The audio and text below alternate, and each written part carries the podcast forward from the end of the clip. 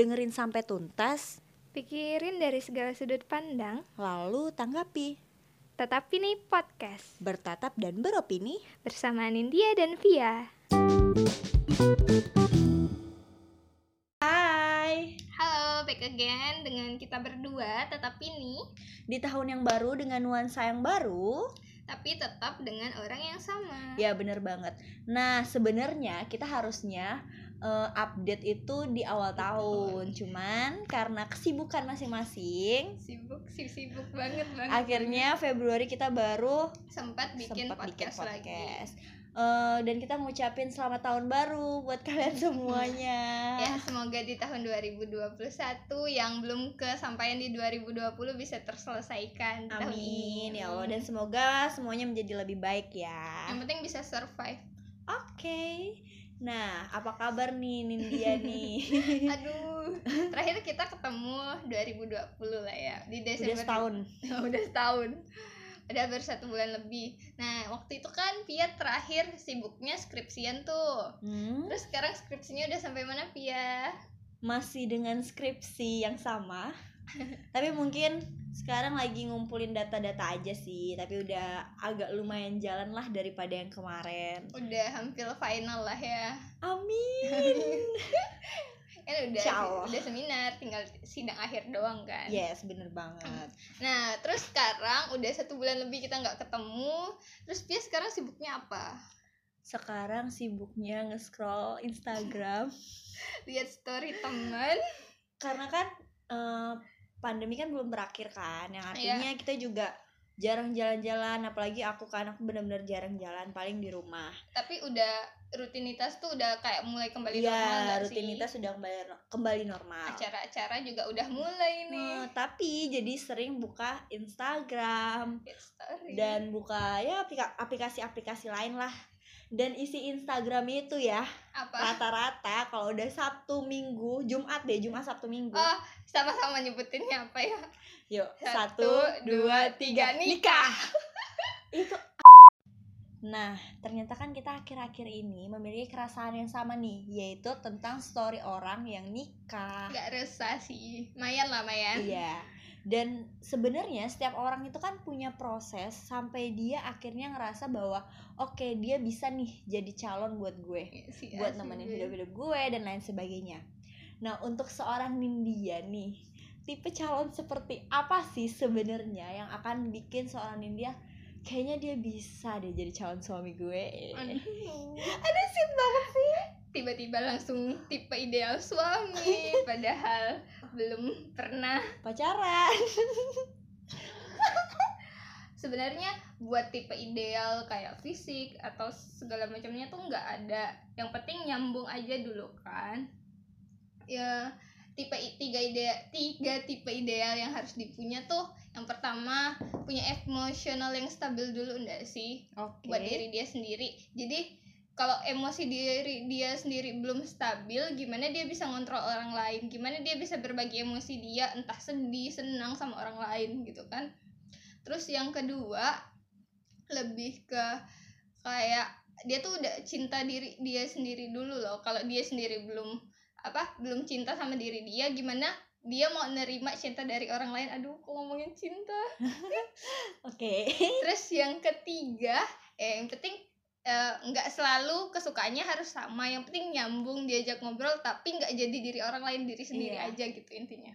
Itu tadi kan ya udah sebutin tiga tipe ideal pasangan yang Mm-mm. eh, yang harap yang punya gitu. Nah kalau Pia gimana tuh? sebenarnya ya tipe ideal pasangan atau partner itu tuh nggak jauh beda juga sih kita kan rata-rata memang yang cowok yang bisa mencintai dirinya sendiri dulu.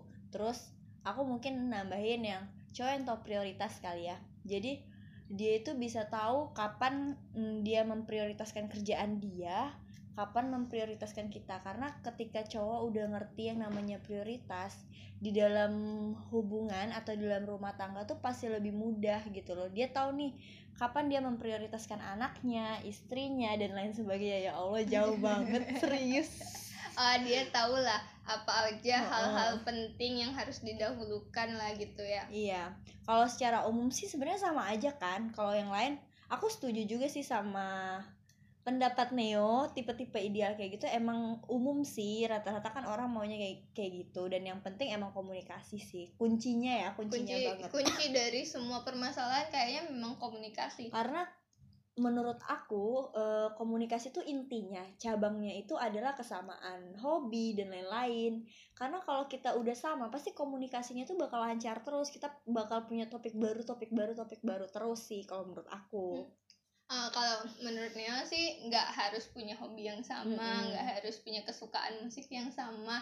Pasti ada satu hal nih yang bisa dikembangin buat ngobrolin hal yang lain. Entah biarpun nggak sama, tetap pasti ada lah yang bisa diomongin kalau komunikasinya lancar. Iya. Kalau dua-duanya tuh saling terbuka gitu loh. Mau ke misalnya nih, oh oke sama-sama tertarik, mau ke jenjang yang selanjutnya diomongin baik-baik enaknya apa enaknya gimana itu kan pasti enak buat keduanya buat jalanin selanjutnya mau kayak gimana kan Iya bener-bener. Maksudnya hobi itu mungkin eh, contohnya aja kali ya, contohnya. itu mungkin biar lebih gampang Heeh. bisa lah tapi nggak seha- nggak selalu harus Iya. sama gitu Dan mungkin mereka juga bisa nyoba hobi-hobi baru yang mereka Hmm, sebelumnya belum benar-benar. pernah dengan misalnya nih belum pernah apa gitu. Jadi mereka yuk ke sini yuk kita cobain Hmm. ini gitu kan. Jadinya lebih banyak lagi hal yang Hmm, mereka tahu gitu. betul betul kayak itu setuju Nah, eh, ngomongin pasangan, setiap orang itu kan pasti ya,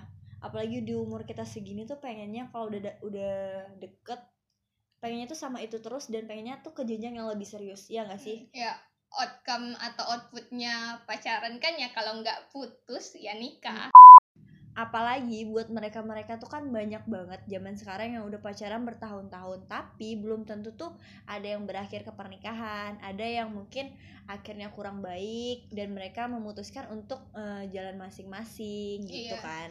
Nah, ada juga kan yang udah pacaran bertahun-tahun, akhirnya sebenarnya belum siap nih untuk ke jenjang buat Iya. nikah, tapi dipaksakan cuma karena tuntutan entah dari keluarga, teman-temannya udah pada nikah dan dia nih udah pacaran lama Mm-mm. berdua, akhirnya memaksakan buat nikah padahal belum siap. Ya bener, nah bener banget tren nikah sekarang tuh lagi booming boomingnya banget kan.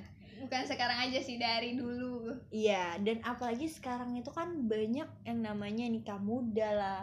Hanya karena temen deket nikah, kita nikah dan ternyata diri kita tuh belum siap sebenarnya. Kita belum selesai loh dengan cita-cita kita. Kita belum komunikasiin itu juga dengan pasangan kita. Dan akhirnya bentrok tuh di pernikahan. Curhatlah sama ini, curhat sama itu dan akhirnya kebongkar kan semua masalah di rumah tangga itu. Hal-hal kayak gitu tuh hal-hal yang harusnya kita hindari. Biar kalau hal itu nggak kejadian sebelum pas pernikahan ada baiknya. Kita harus ada baiknya sok-sok banget. Ada baiknya tuh kalau kita mempersiapkan pernikahannya tuh dengan benar-benar gitu. Banyak yang harus diomongkan banyak yang harus dipersiapkan. Kalau Pia sendiri tuh apa sih yang harus dipersiapkan dulu? Apa apa yang harus diomongkan dulu sebelum akhirnya mantep nih buat langsung buat nikah dengan pasangan pilihan Pia Sebenarnya ya, kalau ditanya apa yang harus diomongin dulu tuh pasti nggak bakal habis dan banyak banget. Iya kan? poin-poin penting lah Tapi mungkin kita bisa memprioritaskan apa sih yang kita tahu. Mungkin dari segi keluarga itu udah pasti. Jangan sampai ternyata keluarga yang dibawa keluarga bohongan. Amit amit. drama Indosiar eh Beb beneran loh Beb. ada contoh-contoh Eh siapa ya? Dia tuh adalah orang si A. Mawar sebut saja Mawar. Jadi dia nikah eh sama seorang cowok lah ya pastinya si Mawar ini. Dan ternyata cowoknya itu ngakunya itu orang tuanya ternyata bukan. Dan ternyata cowoknya di sini nih bilangnya kerja ini kerja itu pengusaha. Dan ternyata dia tuh nggak kerja. Dan akhirnya cowok itu lari ke salah satu kota lain. Sampai sekarang nggak ada kabar. Udah nikah. Udah nikah kok bisa selama pacaran sampai nikah? Dia nggak pacaran Sam- lama sih. Oh tak ber- berarti sampai terlalu nggak cepat taaruf aja. juga ya? tapi ya. Oh, banyak orang kan berpikiran nggak pacaran lama berarti taaruf nggak gitu. Berarti bohongin soal orang tua tuh supaya si ceweknya Cewek mau, yakin dan ternyata mau, oke. katanya sih ya mau ngambil duitnya cewek atau gimana kita juga nggak tahu ya. Ntar gibah beb It's not our jatuhnya. business lah ya. Iya jadi benar-benar harus disiapin. Kita harus tahu keluarganya dari mana. Bukan berarti kita tuh anti anti keluarga ini keluarga itu Iya. enggak. Cuman biar kita tahu bibit bobotnya aja biar kita tahu bisa jelasin ke keluarga kita oh kita yakinin juga nih ke orang tua kita kalau dia tuh emang keluarga baik-baik. Tapi tanda kutip ya keluarga baik-baik tuh bukan berarti keluarga yang baik banget gitu. Keluarga Bukan. baik-baik tuh umum. Iya, bukan keluarga kaya si bapaknya kerja Iya. apa, ibunya kerja baik apa. baik menurut aku beda kan dengan baik menurut kalian Iya. nurunin dia gitu kan yang kedua mungkin pekerjaannya kita harus tahu pekerjaannya karena dengan tahu pekerjaannya kita harus kita bakal tahu finansial dia seperti apa Financial is important. dan itu finansial itu adalah salah satu kunci rumah tangga juga kan Ya, perceraian di dunia disebabkan oleh Ekonomi. Iya benar. itu ya salah satunya Indonesia Yang paling banyak ya penyebab Hmm. perceraian itu adalah ekonomi. Nggak bisa dipungkiri dan nggak munafik Iya. lah. dan keluarganya udah oh, kerjaannya udah lingkungannya juga perlu Wah. lingkungannya tuh maksudnya bukan berarti kita habis itu ngelarang kamu nggak boleh berteman dengan ini nggak nggak boleh berteman dengan ini nggak gitu cuman biar kita tahu oh nanti dia tuh eh, temennya tuh ini ini jadi kita tahu gimana kita harus Eh, kita bakal bersikap. berteman sama temannya mereka juga kan. jadi temennya dia tuh bakal jadi teman kita juga setelah temen juga udah tahu mungkin kita bakal lebih tahu mendalam tentang kepribadian dia karena finansial kan udah kita tahu dari pekerjaannya Hmm. Dan menurut aku ya eh, kalian pernah dengar nggak sih tentang perjanjian pranikah Pernah. itu penting banget sih Penting banget sih. itu Apalagi mengatur pasangan tentang muda ya. aku pernah baca jadi tuh eh, perjanjian pranikah itu tentang keuangan finansial tentang lebih khususnya. ya lebih khususnya ke situ tapi bisa juga tentang mungkin ya perselingkuhan. tapi tentang anak itu nggak bisa. Correct us if I eh, kalau kita salah tolong koreksi. Iya kalian mungkin bisa juga baca atau aku pernah baca di channel YouTube-nya siapa aku juga lupa. Eh baca nonton denger nonton. Gitu sih kalau aku. Jadi sebenarnya kalau pengen ta eh, apa ya prosesnya gimana ya harus banyak ngobrol. Ngobrol tuh nggak harus ketemu mungkin lewat telepon dan di situ kita bisa lihat keterbukaan dia gimana sama kita. Gini loh sebenarnya ketik kalau yang aku baca ya kalau Mhm. kalian tuh bener-bener yakin dia itu dia orangnya ya kalian bakal yakin. Hati itu nggak bisa bohong aduh. Dan terakhir kalian hanya bisa memohon diberikan petunjuk bahwa dia memang orangnya gitu aja sih kalau aku. Eh, Neo mau nambahin sedikit tentang yang perjanjian pranikah tadi. Yang setahunin eh setahun Neo lah ya perjanjian pranikah tuh ada satu poin eh, yang yang jelasin tentang itu loh. Misalnya hutang. Financialnya lebih ya. misalnya apalagi dua-duanya pebisnis nih. Si suaminya pinjam uang ke bank. Terus si istrinya kan nggak tahu apa-apa ya tentang bisnis si suaminya. Tahu lah tapi kan nggak ada urusan tentang keuangan si suaminya itu kan.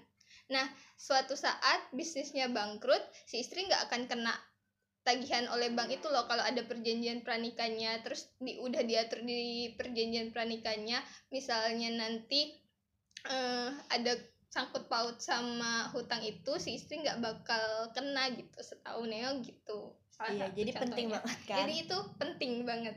Mungkin Neo ada tambahan gak sih sebelum akhirnya mutusin merit?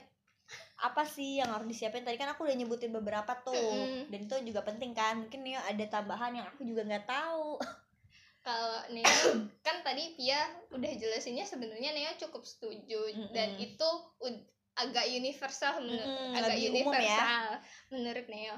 Neo lebih lebih rincinya ada tujuh poin yang harus dipunya. Aduh banyak banget tujuh poin. Kayaknya jadi disiapin ya beb. udah disiapin. Kalau yang pertama menurut Neo kayak ngobrol tuh harus nyambung. Soalnya kan banyak nih setelah nikah banyak yang harus diobrolin mulai dari keuangan anak eh jatah tiap bulannya Iya. seperti apa. Terus kalau waktu pacaran aja tuh nggak cocok ngomongnya nggak asik ya apalagi 10 tahun nikah apalagi selamanya nikah sampai mati gitu kan. Iya benar-benar Terus yang kedua itu tentang saling menghargai gitu. Pasangan kalau salah satunya merasa lebih tinggi atau lebih hebat nih yang kalau salah satunya ngalah terus itu bakal kuat nggak? Mm-mm. selamanya selama pernikahan tuh bakal kuat nggak ngalah terus? Ya harus dipikirkan. Nah kalau ya kuat silakan dilanjutkan ke pernikahan. Kalau nggak kuat ya make sense nggak sih Mm-mm. kalau dilanjutin gitu? Terus yang ketiga itu gaya hidup. Yang satu ternyata gaya hidupnya sederhana. Terus yang satu gaya hidupnya sosialita ya udah tahu ketimpangannya jauh. Terus kenapa dilanjutkan kayak gitu. Dan itu baru tiga. aduh baik banget banyak ya banget. Yang keempat itu perbedaan apa sih yang kita punya sama sama pasangan kita? Iya. Terus gimana cara ngatasin ke perbedaan itu? Kalau kita nggak punya cara atau nggak punya solusi buat hmm, apa buat Ngatasin. perbedaan itu biarpun cuma satu nih yang lain kita punya banyak kesama 100 kesamaan tapi punya satu perbedaan tapi kita nggak tahu solusinya. Sama aja ambiar kan kalau kayak gitu. Baru empat.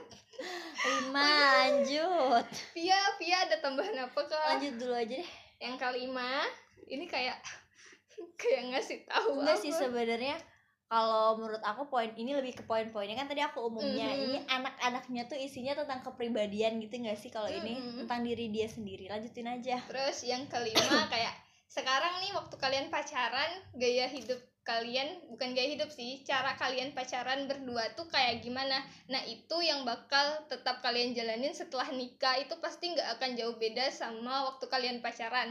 Kalian bakal sanggup nggak kayak Iya. gitu?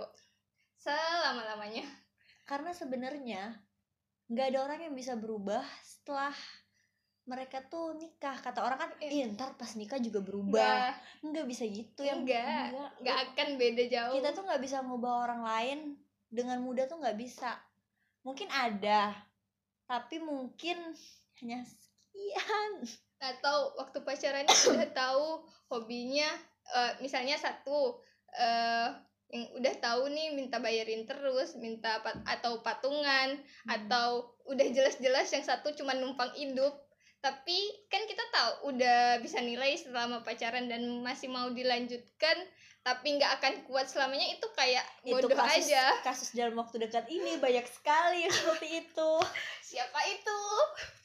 Iya bener Gila. banget. Apalagi sekarang aku ngambil itu aja ya contoh aja apalagi cowok yang main kasar. Mhm. guys kalau misalnya cowok udah main kasar pada saat pacaran apalagi dia pas nikah itu artinya dia tuh nggak bisa ngontrol emosi dia. Dia belum bisa menempatkan diri dia dan mencari jalan keluar yang baik tuh seperti apa gitu. Ya itu kayak kekurangan dia. Iya. nah, nah itu tuh poin keenam oh my Ke- kekurangan dia tuh apa kan? Nah waktu pacaran at least kita udah tahu kurangnya dia. Ini nih salah satunya emosional waktu pacaran dia udah kelihatan emosional. Nah waktu nikah dia nggak akan eh, jadi baik. Bukan nggak akan jadi baik, sih bisa jadi bisa baik. mengatasi belum tentu bisa, mengatasi, tapi mostly malah tambah parah. Lebih temperamen bisa main fisik dan sebagainya. Karena dia mungkin ngerasa tanggung jawab dia tuh bukan hanya diri dia sendiri saat itu tapi lebih banyak kan gitu. Iya. ya kalau nggak kuat ya nggak usah dipaksain lah intinya kayak gitu. Kan gengsi beb terus kalau yang terakhir lebih ke karakternya sih dewasa atau enggak bisa teremosi atau enggak bisa ngesampingin ego pribadi demi kebahagiaan berdua atau enggak bisa minta maaf atau enggak bisa denger enggak kalau diajak ngomong bisa diajak cari solusi bareng enggak pas ada konflik kalau lagi stres atau marah Kayak baca ya, Beb. iya itu itu poin ketujuh sih cara ngatasin tiap masalahnya kayak apa. Nah aku nambahin poin ketujuh kali ya. Mhm. jadi kalau aku prefer eh nyari apa ya?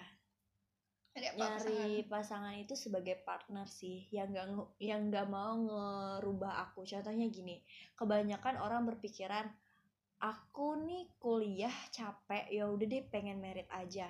Aku kerja capek pulang masuk pagi pulang malam eh pulang malam ya. Mhm. Ya udah deh merit aja. Di- dikit-dikit masalah ini ya udah deh merit udah deh merit.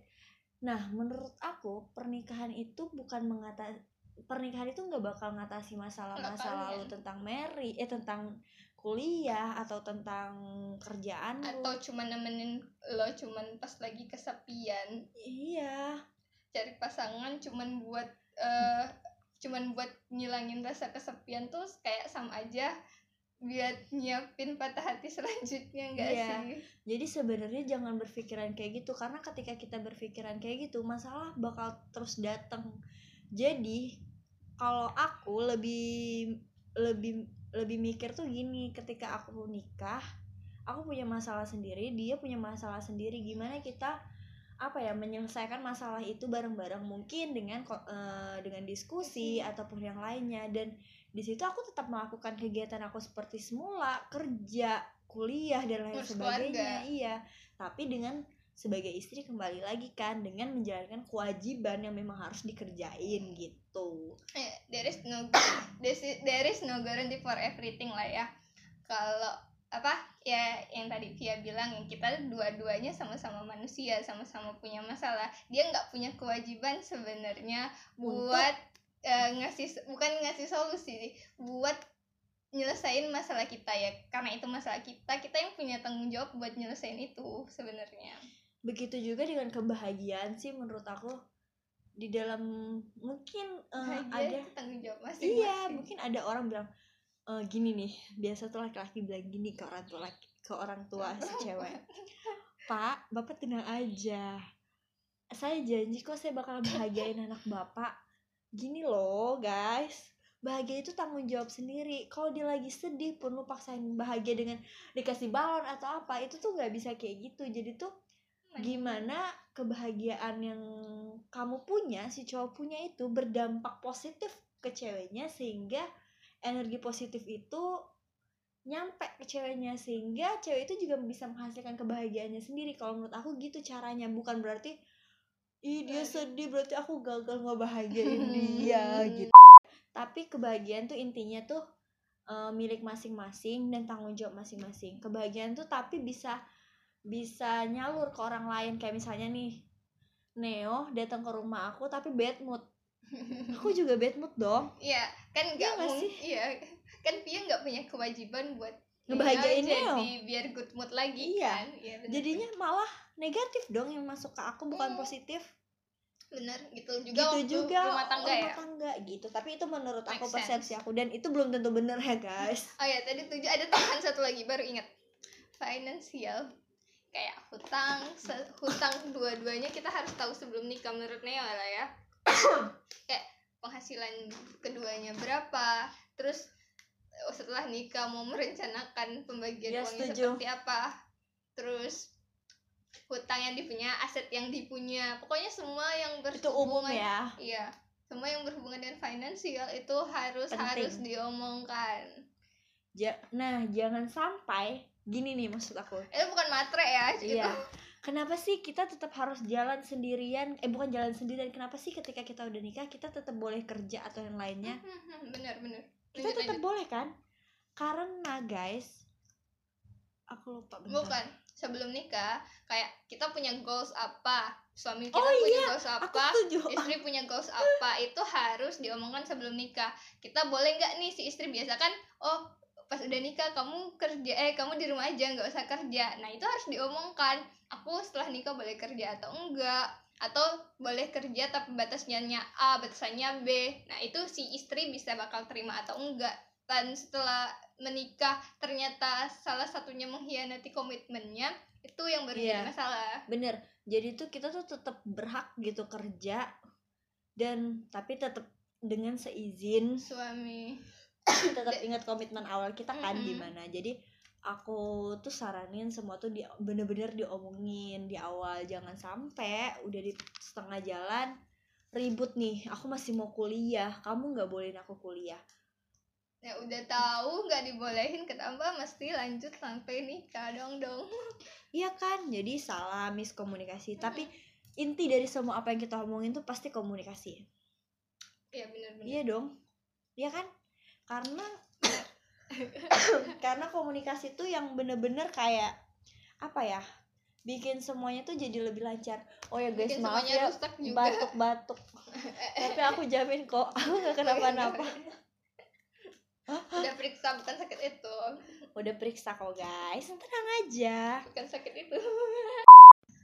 Oke, mungkin itu aja yang kita bahas hari ini. Maaf banget karena pembahasannya terlalu umum mungkin ya. terlalu banyak. Eh kalau misalnya bermanfaat dan kalian setuju alhamdulillah banget. Tapi Tapi kalau enggak juga nggak nggak apa-apa. Kita Itu juga kan- nggak maksa. ya, itu kan opini kita kalian juga pasti punya opini masing-masing juga tentang pernikahan is just sharing juga Kalau kalian juga punya ide atau mau tanya-tanya biar kita bisa sharing di podcast, Podcast. ini, kalian bisa DM ke @tatapini. atau ke Instagram kita berdua via PSPT dan India Panges atau bisa email kita di tetapini@gmail.com Dan terima kasih banyak loh kalian yang udah dengerin. Jangan dari lupa. awal podcast kita sampai sekarang Iya. jangan lupa. Bener banget. Jangan lupa di share ke teman-teman kalian biar makin banyak yang diri- dengerin dan kita makin happy dan makin sama-sama happy. Iya. kalian dengerinnya happy kita juga bikin podcastnya juga happy. Terima kasih. See you on the next podcast. Bye bye